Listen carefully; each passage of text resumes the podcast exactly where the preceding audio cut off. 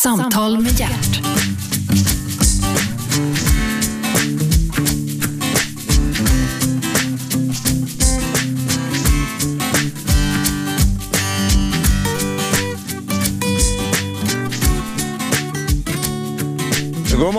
Hjärtligt välkomna till Radio 1, ni vet, Sveriges bästa pratradiokanal. Ja, den är så bra, så bra, så bra. Ja, och ni vet, här hör ni ingen musik någonstans. Men ni får lyssna på programmet Äntligen med mig, Gert Fylking. Och äntligen är Jenny Östergren här. Stort välkommen. Tack så hemskt mycket.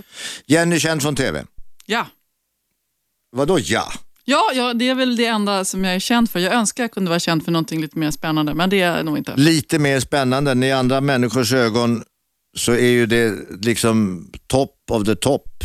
Ja, men är det det verkligen? Folk Ja, sitter hemma och gör sina egna tv-program och sina egna bloggar och de twittrar och gör sig hörda. Ja, men de kommer ju ingen vart.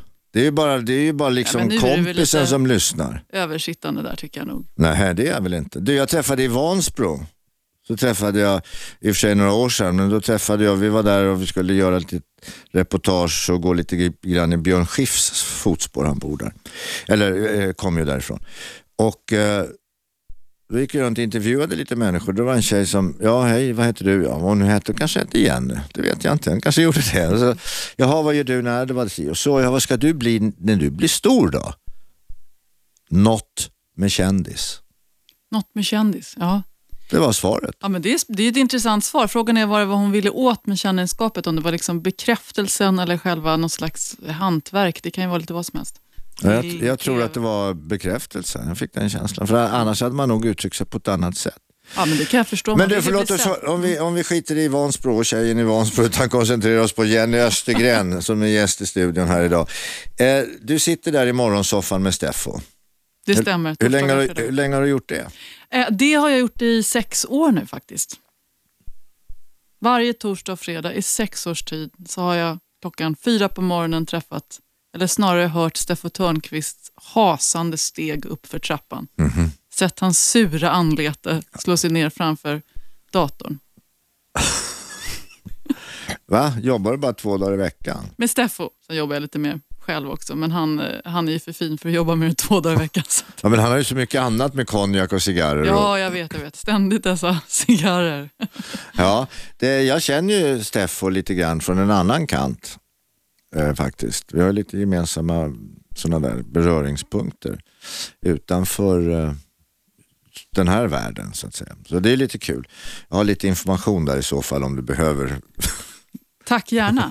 Du anar inte. Han, eh, det finns ingen eh, person som man kan lita så illa på som honom när det kommer till att han utnyttjar sådana saker. Allt han vet om, men utnyttjar han i något läge. Okej, jag ska försöka komma med lite inside information. Men du Jenny, du har inte bara suttit där, eller du har inte alltid suttit där ska vi säga. Hur började det? Ja, men det började faktiskt med att jag eh, var, behövde lite extra pengar för att ha kul när jag gick på gymnasiet. Så då började jag jobba i receptionen på nyheterna. Okej. På lördagar och söndagar mellan 10 och 2 och det innebar mest att jag satt och beställde olika typer av snabbmat till redaktionen och kände mig sådär ödmjuk. För det var ju så häftigt. Jag tror för övrigt att Steffo jobbade där då han var en väldigt tuff stjärnreporter som Ja, ja. ibland hälsade på. Men det var jag där och sen så när jag skulle göra praktik på Journalisthögskolan då fick jag eh, ett eh, gig på Nyhetsmorgon som researcher och så Mhm. jobbade jag där. Och sen så småningom så frågade de om inte jag vill hoppa in och vicka i soffan. Och då gjorde Okej. jag det någon gång och sen, sen blev det en plats ledig och då steg jag in och sa, kan inte jag få jobba lite mer regelbundet? Mm. Så fick jag det. Men det där, det där att, att gå in och, och representera i rutan en kanal, det är ett ganska stort steg för kanalen att våga satsa på en person.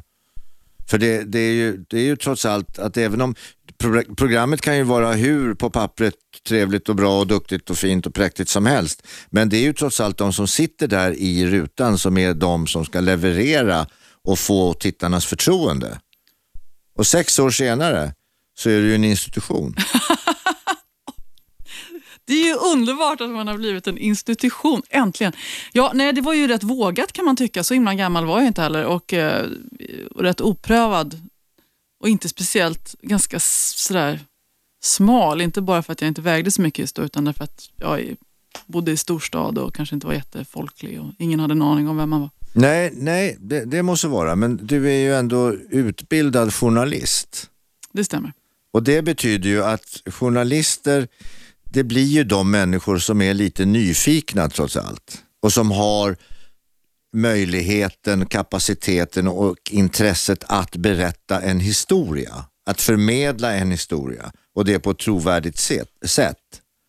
Ja, men det stämmer nog. Det ju, och Det tror jag är en fördel när man kliver in i programledarjobbet på det typ av program som Nyhetsmorgon är. Att man ändå först och främst är journalist och inte försöker spela någon form av programledare. Då hamnar man nog rätt snett. Nej, men då, alla de som försöker spela, mm. De åker ut ganska tidigt. För de blir avslöjade ganska obarmhärtigt utav publiken faktiskt. Det där, och det där är, det är få förunnat att få publikens förtroende. Ja, men det är också få faktiskt programledare förunnat. Fördelen med Nyhetsmorgon, eller som du jobbar, det är att man sitter och nöter och man är där och för varje sändning så lär man sig någonting mer. Mm. Eh, fladdra lite mindre, lyssna lite bättre. Ja, men det blir ju, du, du blir ju, du blir ju eh, om jag får göra en, en, en jämförelse med det morgonprogram som jag var med i tidigare, nämligen Morgonzoo här på Systerkanalen. Alltså man blir ju en del utav människors vardag. De blir ju vana vid den. Ja, men, och, och, till slut det, så blir man då den här institutionen och det, med det menar jag ingenting negativt. Nej, men det är, ju, det är ju skitkul faktiskt om jag får säga det. Jag tycker att det är alla som hör av sig och det är Susanne Bergman och det är, är Bengt på Österlen och det är alla de här trogna tittarna som man både också möter när man är ute i landet och far runt sen mm. privata själ som faktiskt har, man är liksom deras kompis på morgonen och jag tycker det är ett sånt stort förtroende. För man, de vakna, man, man är rätt skyddslös när man vaknar upp. Mm. På något sätt. Man sitter där i sin eh, gråa noppiga morgonrock och käkar frukost och det får liksom inte bli jag vet inte, man får inte, det får inte bli för kletigt tror jag. Man måste ha Men varför, ni är där klockan fyra på morgonen? Ja. Det betyder att du måste gå upp vid tre då? Eh, jag har rationaliserat kan man säga morgonen. Så att, eh, eh tar jag bilen, går upp 20 över 3 åker jag taxi, går upp halv fyra.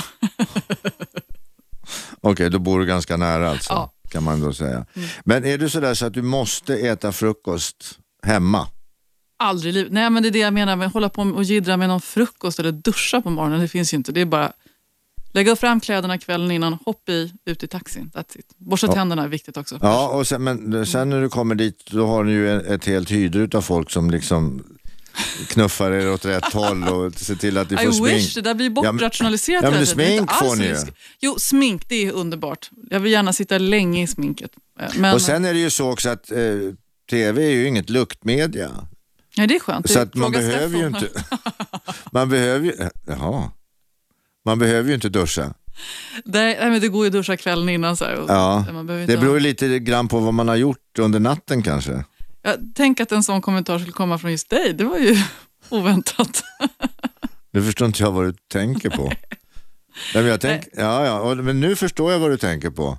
Nej, och det var ju roligt nej, att höra att tänker, även du ägnar dig åt Vi sånt. tänker inte på någonting alls här, utan det, vi tycker att det är trevligt att komma eh, till jobbet på morgonen och eh, jobba helt enkelt. Ja, vi, vi, vi nöjer oss med det. Vi går inte in närmare på den saken. Men du jobbar med Steffo och eh, det är en bra parhäst. Steffo är en fantastisk parhäst och eh, han är ju inte bara en cigarr utan faktiskt en otroligt duktig journalist. Jo, det är han, fast han mig... luktar svett och eh, cigarr. Jag har aldrig sagt att han luktar svett och cigarr. Eh, men eh, ja, han, han har lärt mig väldigt mycket. ja, men man ska vara kollegial. det ska man vara. Jag pratar med Jenny Östergren, ni vet hon som är känd från TV. Lite TV4. svett kanske ibland. ja men som sagt, det är ju ingenting som man besväras av som TV-publik. I soffan hemma eller vid frukostbordet. Du, eh, men hur kommer det här sig då, att du blev journalist? Jag skulle bli folklivsforskare när jag var liten. Hade jag och hur, hur, hur liten är man när man är liten? När man oh, jag ska bli folklivsforskare. Nio tror jag. Nej, ja. det är ju helt bisarrt. ja, jag vet. Nej, men jag tror att min, eh, min pappa då som, som, hade, som har en väldigt bildningsvurm, jag tror att han stack, liksom, jag läste väldigt mycket ganska tidigt. Och då förutom att jag fick läsa alla arbetarförfattare innan jag förstod någonting alls, så fick jag också Per-Anders Fogelströms den här stadserien. Ja, ja. Jag tror att jag förstod väl kanske högst hälften av allt jag läste, men det var väldigt spännande att få ta del av Stockholm och hur det var förr i tiden. Så då Men, tänkte men, jag du, här din, måste jag ja, det, det, ja, men din pappa, varför sätter han sånt där i händerna på dig? Nej, men min pappa är en väldigt sån här klassisk eh, klassresenär som växte upp i ett torp i Ångermanland med sex syskon och en mamma eh, som var ensamstående för pappan hade dött vid tidig ålder. Och Han fick gå ut och hugga skog på somrarna för att tjäna upp pengar. Och han var Okej. den första som tog studenten i familjen. Okej. Mm. Och sen hamnade han i, i högre utbildning och... Ja, sen gick han på Handelshögskolan som av en slump och så ja, tog han sig till en helt annan värld. Okej. Mamma då? Nej, mamma kom mer från en småborgerlig, pappa var, morfar var tjänsteman på, på järnverket.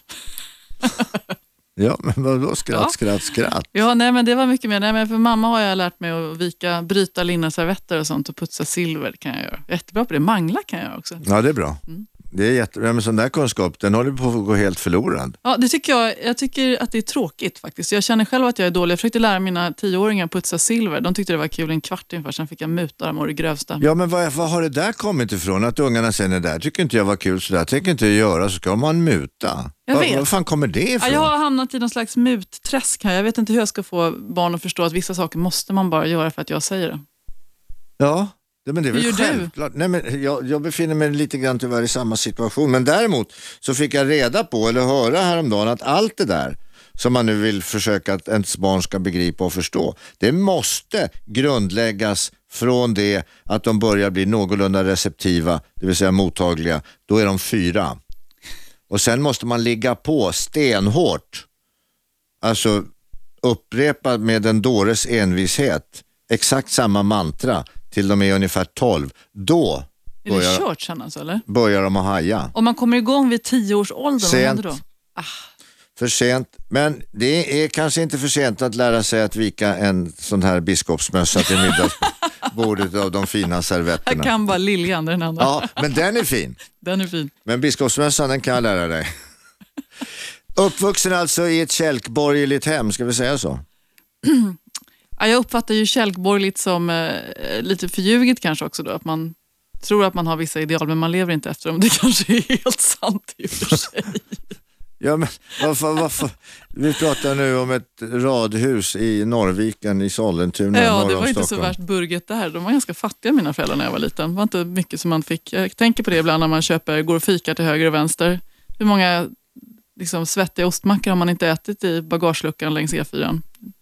Ganska Ja, många. ja, vad det där kommer också säga ur någonting som jag inte begriper vad det är.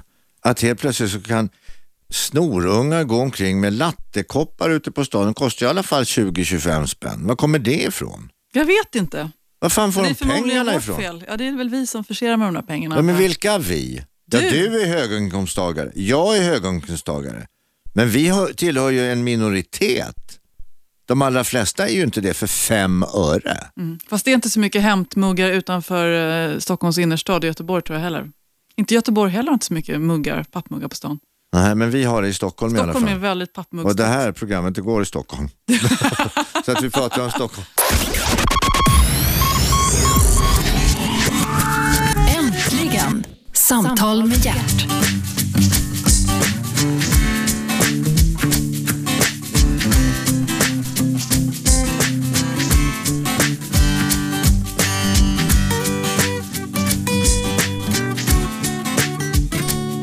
Välkomna tillbaka, Gert Fylking heter jag. Du lyssnar på Radio 1 och äntligen är Jenny Östergren här, känd från TV, sitter i morgonsoffan på TV4 ett par dagar i veckan tillsammans med Tjock-Steffo. Nej, jo, nej. nej han, han har gått ner i vikt. Ja, han har gått ner i vikt, men han luktar lite svett. Ibland. Jag gillar Steffo, ska vi bara tillägga, väldigt mycket. Du, vi, vi, vi, går, vi backar bandet här. Du berättade att du hamnade lite grann som, ja, av en slump hamnade du i, i soffan. Men du började eh, en journalistutbildning innan dess så hade du tänkt att du vid nio års ålder skulle bli folklivsforskare av någon outgrundlig Ja, jag anledning. sa ju att jag var ett präktigt barn. Du var ett präktigt, du var, du var mammas och pappas lilla flicka. Du hade en äldre syster, Ja, det hade jag. Hon heter Ulrika. denna Ulrika, hon var bra va? Ja, hon, hon är en väldigt speciell person. Förutom att ja, det finns ingen som kan arbeta så hårt och så mycket som har så mycket ork som hon, eh, så är hon världens snällaste. Och det är, inte, det är inte bara sagt för att hon är min syster. Hon är väldigt snäll. Om hon har varit på semester i, vad ska vi säga, Turkiet ja. och så har hon träffat någon där som turkisk familj som har sagt åh, eh, vi kanske kommer att hälsa på. Jag kommer hälsa på i Sverige säger hon. Så kommer de hit och då får de självklart komma och bo hos henne hur länge de vill. Och så Okej. vidare. Så hon är den typen. Mm. Jaha, och så kommer de också eller? Ja, det har ju hänt att de kommer. Så. Jaha, Mm. vad snällt. Kanske främst från Tyskland tror jag. Hon, har ju, hon bodde i Berlin i 15 år. Så att det var... Okej, ja, jag fattar. Men, men det, det är väl bra det där att ha ett, hon var ju sex år äldre än dig och då har du ju ett gott föredöme på något sätt va? ja, det är bra. Ja, Jag, var väl ganska mycket en, ensambarn i och med att hon flyttade hemifrån tidigt och försvann bort. Så då var jag själv med mamma och pappa under många år. Men, eh, ja, ja, ja men du hade fått en grund att stå på. det kan man säga. Ja. Men då flyttar syrran och du befinner dig i späd tonåring, som späd tonåring ute i Norrviken. ja, men då hade vi flyttat till Sundsvall. Vet du. Va? Ja, så då bodde vi, bodde vi där på Norra berget i några år. Jaha, men okej, då blev det ju ännu värre helt plötsligt.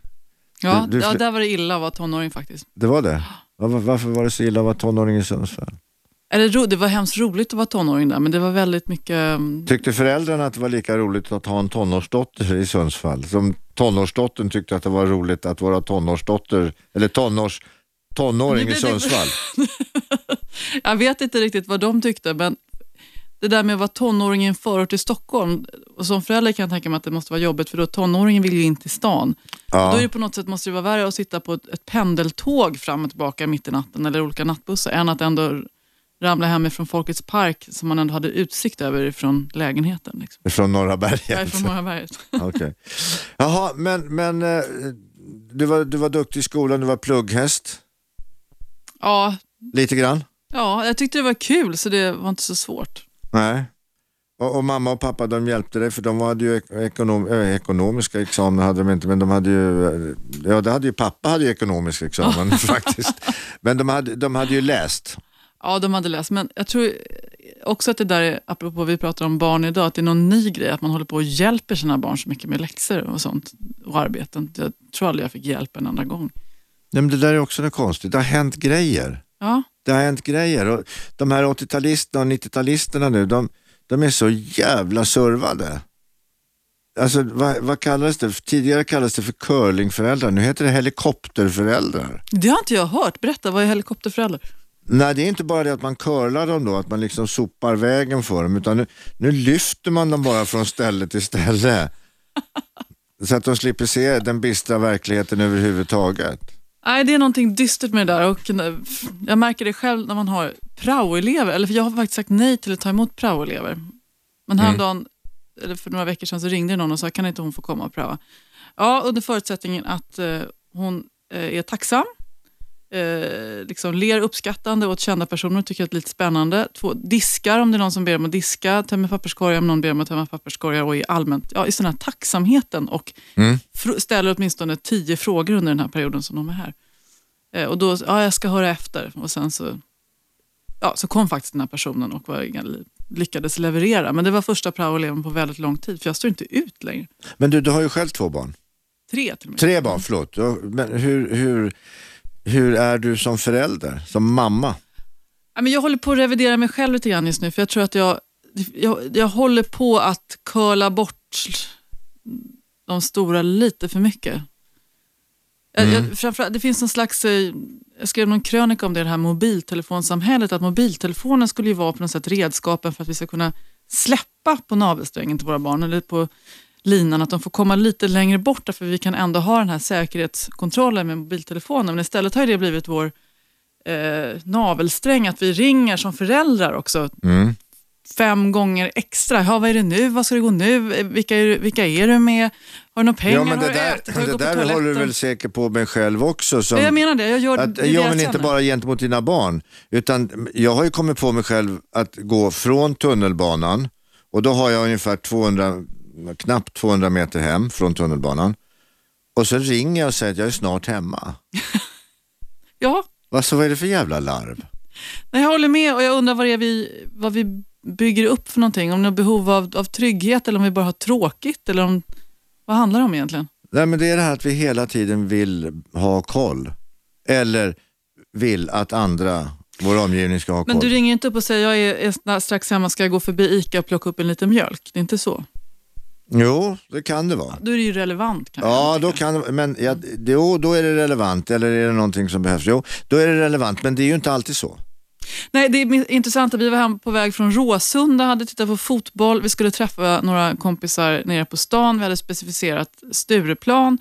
Och vi ringer till varandra först på matchen är över. Ja, vad är ni? Ja, men vi, vi är snart på Stureplan. Vi hörs sen när vi börjar närma oss. Ja, så nästa station är det liksom bytet Kungsträdgården. Ja, ni är på Kungsträdgården. Var är ni? Ja, vi är... Och så någon annan krog. Jaha, visst. Och så, så fortsatte det där tills vi var tio meter ifrån varandra. Då kunde vi säga, ja men vi ses. Ja, ja men det där är fantastiskt därför att på min tid när jag var liten, vil- vilket jag faktiskt har varit även om jag nu är väldigt gammal, jag är faktiskt 65 år gammal, då fanns inte mobiltelefon. Eh, då fanns inte internet. Det fanns vanlig telefon, fanns det. Eh, trådbunden telefon. Och, och då kom man överens om att nu, du vi kan väl ses på tisdag klockan sju. Ja, sen var det inget mer sagt utan då sågs man på tisdag klockan sju. Mm. Och man satt där hemma vid telefonen och väntade på att killen skulle eventuellt ringa. Och blev nervös när någon annan pratade i telefon för länge för att då var det ju upptaget. Aha, det, det fanns killar i din värld alltså?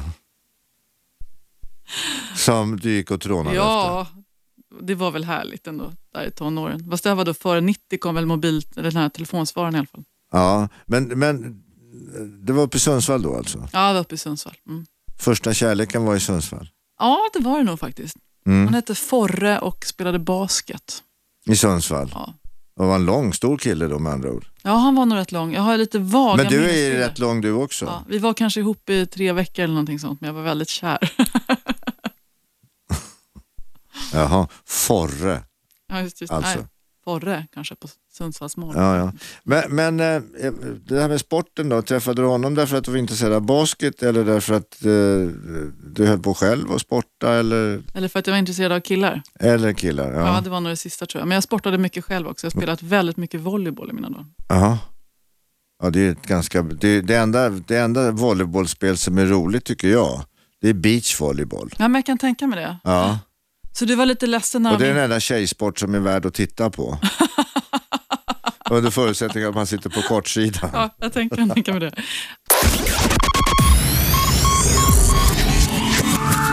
Äntligen! Samtal med hjärt.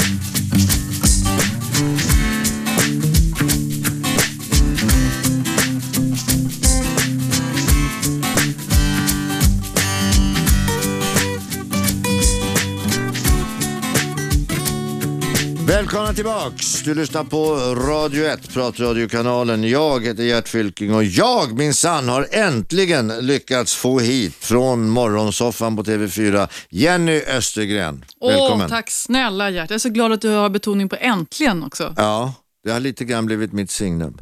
Du, Jenny, eh, hur länge ska du hålla på i morgonsoffan? Eh, Jag tänker hålla på i Jag vet inte faktiskt. Jag har väldigt roligt på jobbet just nu. Det är min, det är min eh, utgångspunkt. Så länge det är kul så fortsätter jag och så länge de eh, vill ha mig helt enkelt. Mm. Och du, jag hoppas de vill ha dig länge.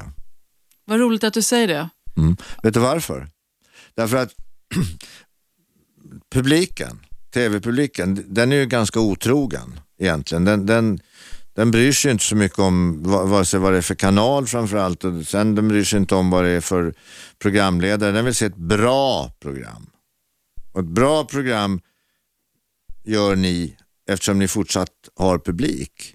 Och därför så får man inte byta programledarna, för programledarna är ju garantin och garanten för att programmet liksom fortsätter att leva. Ja, det tar... Nej, men, Och det där tar flera år innan publiken får det förtroendet. ja, men jag kan tänka, det, tänka på det lite grann. Att nu, nu har jag faktiskt suttit där i sex år. Mm. Men som jag, jag tror faktiskt inte att jag var så himla bra precis i början. Ganska usel i vi- vissa fall. Men att de här sex åren har man verkligen byggt upp. Dels en relation med publiken men också blivit bättre. Så att det vore trist att få sluta redan nu. Men Ja, men det tror inte jag. Jag prat, ja, men decide. kan jag berätta för dig här, lite insider. Kan jag berätta för dig att jag pratade faktiskt med en, en inom inom koncernen, din koncern alltså, TV4-koncernen. Ja, vem då? då? Eh, Det kan jag inte gå in på, för jag, jag vill inte göra det. Men det är i alla fall en person med myckenhet av inflytande. Och då pratade vi just om nödvändigheten och nyttan med att faktiskt behålla de som, som är starka varumärken inom kanalen. För det är de som ger kanalen en profil. Det är ju jätteviktigt och det är viktigare att behålla dem än att få in nytt. Det ska man också veta. Känner du flåset i nacken? Jag kan göra det, tror jag, som kvinna mer än som man. Därför att när man av ren liksom, ovetenskaplig betraktelse, så här, tittar man runt omkring sig så är det ju kvinnorna som ryker för först. Som blir omoderna och gamla och trista. Medan männen faktiskt får vara kvar lite längre. Och det liksom, finns ingen bitterhet i det. Ja, men det är den, det Även här- jag kan tycka rent principiellt att det är lite trist. Den gråa tidningarnas charm menar du? Att de Ja, får vara lite kvar, så. Lite, och och eh, eh, kvinnorna byts ut därför att de börjar se lite luggslitna ut. Och, Ja, det, det, om, man, så om man vill säga så, så här, man skulle kunna säga att gubb, gubbsen blir lite luggslitna och lite saggiga också. Men, men eh, det är ju tillåtet på ett annat sätt. Det finns ju liksom någon form ja av... men det, där kan du ju bara spela, nej men vad fan, där ser du ju bara erfarenhet i det luggslitna. Jag vet, det är det som är lite sorgligt. Eller Ja. väldigt sorgligt kan jag tycka. Ja. Men är du sådär så att du börjar tycka, men vad fan jag måste ju börja släta, släta ut hyn här och jag måste ha sån där rynkkräm och jag, jag måste göra massa sådana saker. Ja, jag börjar närma mig 40 så det är klart att jag tänker på det ibland. När man, framförallt när man ser sig själv där i hissen klockan 03.30 på morgonen och ska åka ner. Att, eh, jag menar, det finns ju alltid möjligheter där och, det, och på ett sätt kan man ju tycka att den typen av ingrepp är rätt demokratiska då. Därför då får man ju bestämma själv. Ja men vad är det, är det Men jag tycker- jag varför önskar måste, att jag varför, men hallå, varför Ja. måste man se ut som 20 om man är 40? Nej, jag håller med dig. Och jag har inte gjort någonting ännu. Och det, och så. Men jag kan, det, det kan finnas en liten tröst där, eller så är det bara någon slags... Men, eh, men vad har du, vad har du eh, när du har suttit och, och pratat med din, din närmsta omgivning och nu pratar jag inte mycket om, om de, med din blivande man här. Men eller- män upplever jag skiter i det där ganska mycket. Ja, jo det är ju så. Men med, med dina väninnor eller din bästa väninnekompis vad sitter ni och pratar om när det gäller, vad, har du tänkt att, eller pratar man om sånt? Jag upplever att det har skett en enorm förskjutning de senaste åren därför att det har blivit så vanligt. Därför att alla gör det. Men där tycker jag män har en, en dubbelmoralistisk inställning för att alla män jag känner är tillräckligt smarta och intelligenta och, och liksom i sig för att säga att äsch, det spelar väl ingen roll och vi vill att det ska vara naturligt. Men samtidigt så, så, så, så kommer ju någon gående och säger, fan vad fräsch hon ser ut. Och, och ni kan inte göra den bedömningen medan alla kvinnor ser att den här kvinnan har ju botoxat och Restylanat sig liksom till en annan Och lyft nivå. brösten och pumpat ja, ja, precis. Och, och jag lägger inga moraliska värderingar i det. Men ehm, Har du själv funderat på att göra några ingrepp nu då? Nej, jag har inte gjort det. Jag tänker att jag skjuter på det där så långt det bara går. Och sen så när jag, när jag kanske skulle behöva en dag, då är jag så tillfreds med mig själv ändå, så då behöver jag inte. Ja, det handlar om att mogna alltså. Men du har hört den Jag där historien om, om, om eh, kvinnan som står framför spegeln och så tittar hon på sig själv och så se, står naken där och så ser hon hur brösten hänger och rumpan den hänger och det är gäddhäng och det är påsar under ögonen. Och hon liksom står där och beskriver sig själv för sin man och så säger hon till sin man, ja du, nu måste du säga något snällt. Och då säger han, ja det är inget fel på din syn i alla fall. Och fy fan, kan du inte sluta med de där skämten? Jag kan och för sig, jag måste ändå slå ett slag. Vi skrev ju faktiskt en bok en gång som heter Bimbobakslaget som tog upp just de här sakerna. Därför att det har skett en förskjutning av vad som är liksom ett normalt åldrande. Och det är, ju- jag, jag har sån förståelse för alla som vill göra om sig. Jag har verkligen inte moraliserat över det. Jag kanske gör det själv någon dag, who knows. Men det är tråkigt att, att vi inte längre förmår liksom också medialt i den här kommersiella världen se det som är vackert med att man är, har varit med ett tag. För Ja, men- samtidigt, det är ju så, liksom, vad, vad är det man, jag köpte en kattunge Ja, och den var så jävla ful så att jag var så här, jag kan köpa den här kattungen, den är så ful. Alla tyckte den var ful, men ett av barnen sa vi måste ha den här kattungen. Mhm. Den här fula kattungen kommer hem till oss och vi lär känna den och vi fullkomligt älskar den här kattungen. Och nu tycker vi att det är den sötaste kattungen som finns. Och Det går ju direkt att applicera. Liksom det man älskar, där vilar man och då blir det vackert. Det är ju alltid så. Det är ju så enkelt på något sätt. Det är så Jo, banalt. men varför tror du då att, och du, du är ju, jämfört med många, många andra otroligt exponerad eftersom du sitter i TV varje dag. Du har dessutom möjlighet att gå hem och spola tillbaka programmet och titta på dig själv och undra, men vad i helvete, du kan ju titta på TV4 Play Ja. Och, och kika på, nej men herregud, hur ser jag ut och vad har jag på mig? Och, alltså den möjligheten har man ju. Och eh, nu vet inte jag, jag vet att väldigt många män är fåfänga, men jag vet att än fler kvinnor är än mer fåfänga. Jo, ja, det blir ju också så när man, precis som du säger, man har möjlighet att, liksom, det, det är en, en sån del av, av jobbet att Mm. se ut också.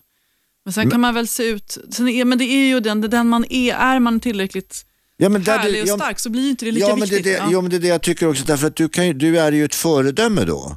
Du, Ja. du, du blir ju ett föredöme. Nej men nu ser jag ut så här, tack så mycket. Jag är rätt nöjd med hur jag ser ut. Jag har det här, har de rynkorna, jag har de här brösten, jag har den här magen, jag har den här rumpan. Tack så mycket. Så här är jag och jag mår bra. Då blir ju du ett Absolut, föredöme för ja. andra. Mm. Och därför så har jag heller inte gjort någonting hittills och är som jag är. Liksom. Så det, och jag hoppas så att jag ska kunna stå fast i det. Mm. Men du, nu, nu, nu, Ja. nu har vi fått höra här att, hallå, du, tre, du har tre barn och de är runt tio år. Men hur går det ihop? Du ska ju gifta dig nu i sommar. Du menar, hur tänker du då? Vad, vilken är komplikationen? Nej men komplikationen är att du är en modern människa, du lämnar ett förhållande, går in i ett annat, släpper med dig tre barn. Eller? Ja, släppa med mig tyckte jag var en konstig formulering. Jag tycker, att, jag tycker styvfamiljen är så otroligt utskälld. Jag tycker styvfamiljen har fantastiska möjligheter om bara de vuxna är tillräckligt vuxna. Mm. Så det, är fan, det är ju urhäftigt. Vem är det du ska gifta dig med? Eh, Jag ska gifta mig med Niklas Strömstedt. Hur länge har ni varit ett par? Vi har varit i par ungefär fyra år sådär. Jaha. Mm. Och nu ska ni gifta er till sommaren. Ja, Var? det tänker jag inte tala om i radio. Mhm. Mhm. Ska ni ha barn? Eh, Det har vi inte tänkt. vi har så många tillsammans redan. Ja, han har x antal och du har x antal. Det, blir, det kan ju bli väldigt stora och trevliga jul. Det Du kan... har i och för sig väldigt många barn. Har du Ja. skaffat nya barn med alla dina kvinnor? Nej, alltså, ja, det har jag gjort på ett sätt. Eh, Jag har sex barn sammantaget.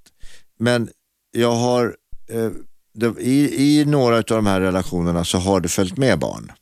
Så att jag har två, två, två medföljen och fyra egenproducerade kan man säga. Men nu lever jag ju av den åsikten att de barnen som man har, de ingår i familjen, så är det ju, punkt slut. Därför att barn som växer upp, de har föräldrar och det är ju de föräldrar som de växer upp med. Sen kan de ju komma från var någonstans ifrån, spelar ju mindre roll.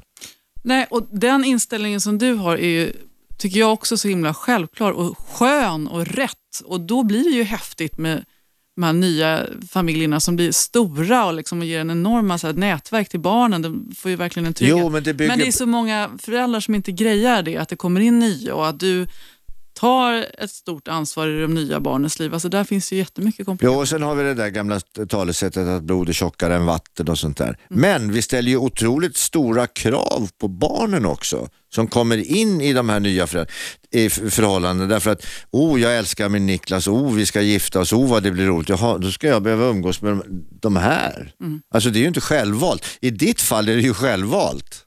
Absolut.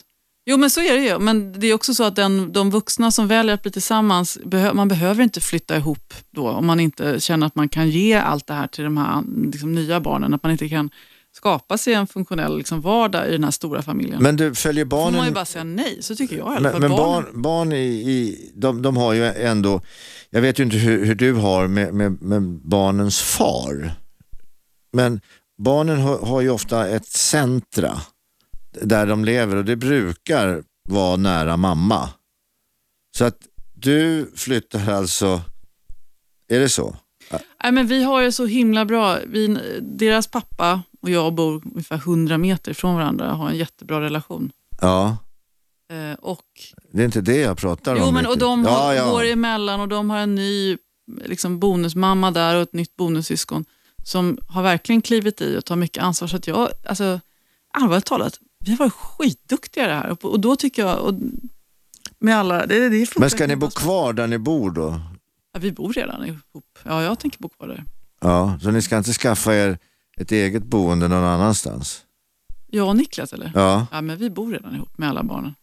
okej. Mm. Så att efter giftermålet så kommer det inte bli ny adress, det kommer inte bli någon pampig villa ute på Solsidan på Lidingö. Nej, nej, vi bor i vår avgasiga lägenhet på, inne i innerstan istället. Det blir jättebra. Ja, men du, nu, nu ska vi se, om en liten stund här så måste vi prata om den här, som jag hörde, möhippan. Ja, jag Ja. trodde inte jag att jag skulle få någon faktiskt när man är så gammal man ska gifta sig. Ja, men har du varit gift tidigare? Ja, jag har varit gift en gång tidigare. Nej du, jaha. Mm. Mm. Ja, det där är lite komplicerat. Jag har bara varit gift en gång. Jag har haft många förhållanden, men jag har bara varit gift vid ett tillfälle och där sitter jag fortfarande i giftermål. Är du Alltså, lite så, bättre än vad jag är då? ja, inte bara lite.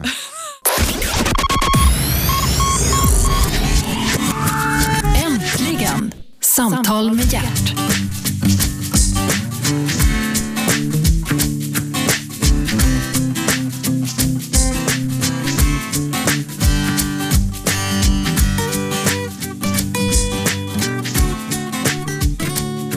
Välkomna tillbaks, du lyssnar på Radio 1 och äntligen heter ju programmet och äntligen är Jenny Östergren här som till sommaren ska gifta sig med Få höra namnet på din heta låga. Niklas Strömstedt heter han. Ja, och det vet ju vi. Ja, Det vet ju hela Sverige nu. Ja, det har blivit så tror jag. Ja. Hur känns det att få ens privatliv liksom utmanglat i, i eh, massmedia? Ja, det har, det har ju hänt några gånger. Sen är det ju väldigt, väldigt mycket som inte är utmanglat. Det är ju viktigt tror jag när man jobbar någon sån halvoffentlighet att man får behålla vissa delar för sig själv. Ja, men så är det ju. Men hur mycket är du beredd att släppa? Hur långt är du beredd att släppa så att säga folks medvetande in på, på livet? Jag kan inte beskriva det i ord på något bra sätt men jag har en väldigt tydlig känsla själv för vad jag delar med mig av och inte delar med mig av. faktiskt. Dina barn då? Nej, där, där finns det någon slags... eh, Nej, där är jag mer restriktiv faktiskt. Ja, men dina barn upptäcker ju saker hemma, till exempel. De ser ju saker hemma. Eh, De ser ju hur du låter bli att bädda eller hur det låts bli att städas eller det sitter och sups den ena Chateau de boxen efter den andra och så vidare och så vidare och så vidare. De, de ser ju det här. Och de ser ju allt det som vilken kvällsjournalist som helst skulle vilja få vara med om eller sitta som en liten fluga på väggen för att få se. Eller hur? Delar du min ja, ja, Jag fattar inte riktigt hur du tänker. Vad Jo, men är du rädd för att dina barn så att säga ska bli utnyttjade i det här? Att de ska bli sagesmän i de här? Är, har, är du rädd för det? Har du varit det? Mm. Nej, Nej, jag aldrig- frågar dig. Ja, nej, men därför att nej, jag har överhuvudtaget För jag aldrig har inte, fallit mig in. nej, den tanken hade fallit mig in Nej. heller förrän just nu när jag sitter här med dig. Nej, Där- men det är väl deras priv- privilegium om de blir eh, vuxna och, eh, och och säga vad, vad de vill om hur hemskt det var att växa upp med mig eller hur fantastiskt. Det är ju, alla har ju rätt till sin berättelse, men nu så lever de i en värld där de faktiskt inte ens har någon speciell koll på att jag är känd överhuvudtaget. Vi åkte skidor i, Björnrike och då kom fram någon och skulle prata om trissskrapet och, och då frågade de så här, men mamma varför pratar han med dig? Liksom, det var konstigt. Ja, ja, men det där står ju bara ett par, tre år på. Så, därför att det, det är ju inte de som kommer att berätta att ja, men min, min mamma, hon heter Jenny Östergren och jag har min styvpappa och, och så vidare och min pappa och allt det här. Det, kommer, det är inte de som kommer att berätta det här, utan de som kommer att berätta det här, det är ju deras kompisars föräldrar Ja, som kommer att berätta det här. Jo, men där kan man kanske Och känna att när det Niklas gäller och vissa så vidare, saker... kommer det, bli, ja. det kan ju dras jävla långa historier kring det här. Ja, men du förstår kanske lite mer vad du menar om barnen är hemma hos någon annan och pratar om hur vi har det hemma, eller hur? Ja, lite tänker så. Ja. Jag har inte funderat så mycket på det. Och, Och eh, där jag tror snappar inte- ju föräldrarna åt de där kompisarna upp. De, för de sitter ju och bläddrar med, med, med Hänt i väcket och sen så får de höra liksom Ja. från källan. Är du orolig? Nej, jag är inte det faktiskt. tycker Och inte jag sen- du ska vara nej, heller. Och sen tycker jag så här att det är väl, varför ska man, vi lever ju inte, alltså det är så roligt, folk tycker att man är en, kändis, men i vår verklighet så, så är vi ju inte det. Vi är väldigt vanliga. Vi har inga hossenojor att vi inte kan åka kommunalt, att vi inte kan handla där, att vi måste åka första klass. Det finns liksom ingenting sånt. Vi går inte på några kändisfester. Vi lever sådana svennebananliv så att liksom det, ja, det finns inte så mycket att berätta om. Nej, nej, nej, nej, nej, men fine, Mm. fine, fine. Okej, men nu har vi kommit fram till att du ska gifta dig, men innan giftermålet så har ju varje eh, kvinna, hon, liksom varje man blir utsatt för en svensexa och du då naturligtvis utsatt för en möhippa. Ja, det var, jag var väldigt, eh, jag blir alldeles eh, gråtmild bara jag tänker på det. Det var väldigt roligt faktiskt. Jag trodde inte det när man gift, gifter sig så på gamla dagar. Folk har så mycket för sig och man har redan gjort det en gång tidigare. Ska de hålla på och fixa en gång till? Men det var den tajtaste liksom, väninnekretsen och vi hade en fantastisk... Hur många var ni? Nej, det var några stycken. Ja. Några Nej, stycken. men Jag tycker, nej, det var, nej, men det var, om det här, här går någon slags gräns. Den där gränsen kom plötsligt upp här kände jag. Mm. Alltså gränsen för be- din, din, ja, min, din eh, min privatsfär. integritet. Ja. Precis. Jag kan berätta att jag fick eh, dansa Let's Dance med Tobias. Det kan jag. Och jag var skitbra. ja, men hur kommer det sig att du inte har fått vara med där förresten? Jag vet inte, du har inte heller varit med? Nej, jag, jag fick inte för TV4. Nej, för du är MTG-kille. Ingen aning. Ingen aning. För du är ju en- Mastiff frågade ju, de som producerar. Mm. Men TV4 tackar nej. Eh, och det kan ju vara så att jag har ju ett eget, eller nu två egna radioprogram så jag kan ju göra rätt mycket reklam för min egen verksamhet. För Let's Dance Radio. Men, men eh, okej, så, så den, hur var den här med hippan då? Ja, men den var jättefin. Verkligen. Fin och rolig. Men du behövde inte gå runt med en napp i mun och sälja kyssar och... Nej, fast det var, jag tror det var en väldigt möhippetät dag. För att jag, såg min, jag såg någon i någon fettokostym och så var det någon som kom med, så här, med morötter, brudkrona och sånt. Och så. Nej, jag, det var, jag fick ha Jessica Anderssons eh, Let's Dance-maräng på mig. Och den passade kanske inte jättebra. Så tvingade de mig att, att promenera väldigt långsamt längs med Götgatan. Så det, det var det mest eh, I den utstyrseln? Ja, höga klackar. Ja, Okej. Ja, men då fattar jag ungefär på vilken nivå det var. Det hade inte, jag, jag skulle kunna ha sett dig gå där, för det jag vet att det drar väldigt mycket sådana här möhipper fram. Och när de får syn på mig eller på andra så brukar de störta fram till de här så kallade kändisarna och be dem göra saker. Brukar du ställa upp? Ja, Nej, men de vill ta foton och sånt där. Så de. Jaha, hur ser den omedelbara sommarplanen ut här? Du, har, du planerar nu som hetast för bröllopet naturligtvis. Ja, fast jag förstår att alla andra eh, tycker att kommer så här, det här, ta den här bröllopsbilagan och har du tänkt på, vad du ska, ska du ha några små giveaways? Jag, ska, jag, jag blir stressad för jag har inte, Jesus räcker inte med att man bara har sina Vad är det man säger nu? Something new, something old, something borrowed, something blue. Så är det. Och det har du klart för five dig? pence in the shoe, är det inte så också? Ja, jag har inte grejat det. Nej, det återstår då lite grann. Jag ska köpa några bröllopstidningar så att jag kan bli en riktig brud. Okej. Mm. Ska ni gifta er kyrkligt? Nej, det har vi gjort någon gång. Borgerligt? Mm. Okej. Stor, stor, stor baluns? Det blir våra, de, alla våra kompisar som vi, men nära kompisar. Inga, De hundra närmaste? 200 närmaste? ja, jag bjuder hela Mariatorget. Nej, men det, det är en lagom fest helt enkelt. Det är för våra närmsta kompisar. Nej, men jag tänker inte sitta här och Det är väldigt privat. Ja, men det blir en trevlig fest i alla fall. Det kommer bli, de som är där kommer få ett bra kalas. Det tackar vi Mm. för. Tack så hemskt mycket Jenny Östergren. Lycka till på ditt bröllop. Eh, kalaset, jag är inte ens bjuden så jag vet inte varför jag sitter och frågar. Jag är bara avundsjuk. Tack för att ni lyssnar på Radio 1. 101,9 Radio 1. Sveriges nya pratradio.